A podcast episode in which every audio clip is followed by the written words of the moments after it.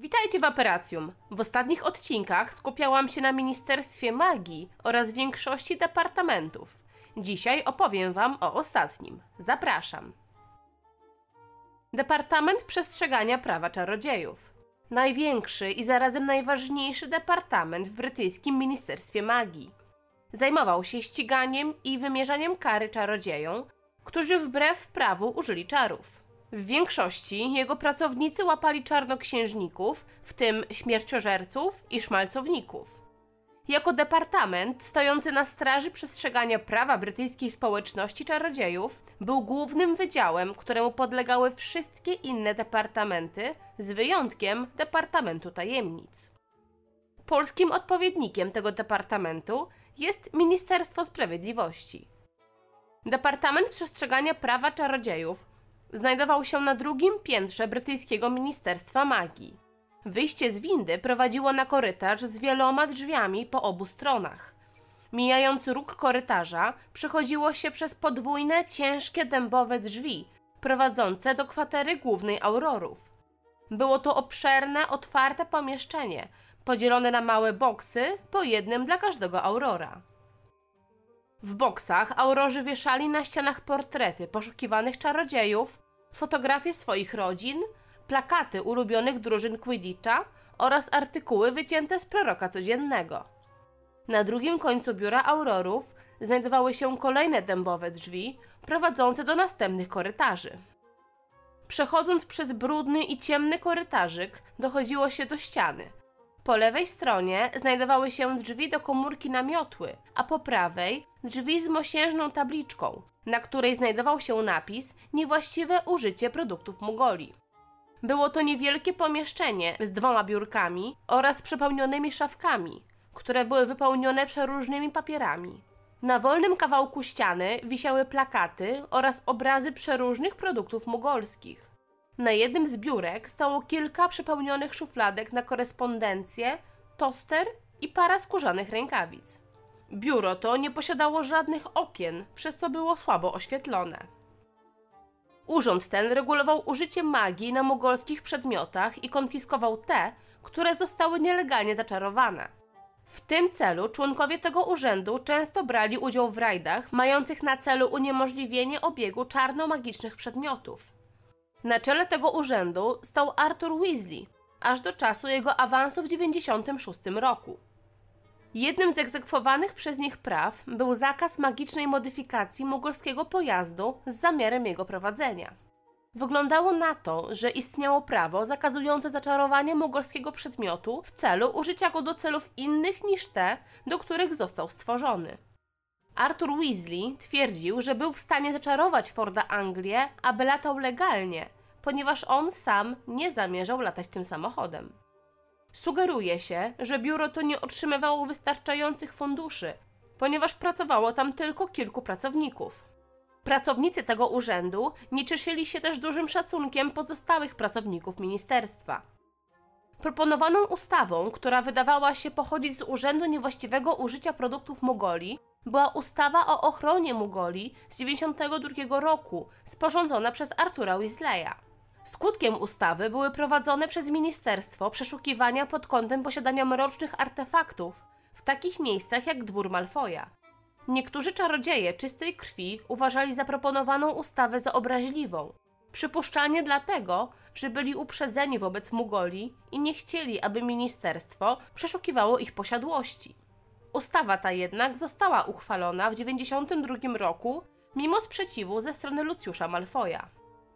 Biuro Aurorów Biuro to było głównym wydziałem Departamentu Przestrzegania Prawa Czarodziejów i zajmowało się konkretnie łapaniem czarodziejów łamiących prawo lub stosujących czarną magię.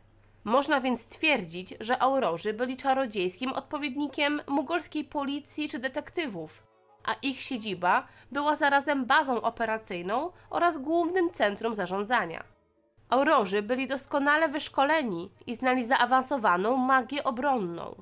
Aby dostać się na szkolenie na Aurora, należało spełnić bardzo trudne wymagania. Kandydaci musieli najpierw dostać doskonałe referencje ze szkoły magii, zanim zostali przyjęci do rygorystycznego programu szkoleniowego. Aby w ogóle mieć szansę na podjęcie pracy, musieli zdać w stopniu co najmniej powyżej oczekiwań takie przedmioty jak obrona przed czarną magią, zielarstwo, zaklęcia i uroki, transmutacja oraz eliksiry. Możliwe jest, iż czarodziejskie organy zajmowały się również sprawdzeniem, czy dany kandydat chcący zostać aurorem nie popełnił żadnych przestępstw w swoim wcześniejszym życiu.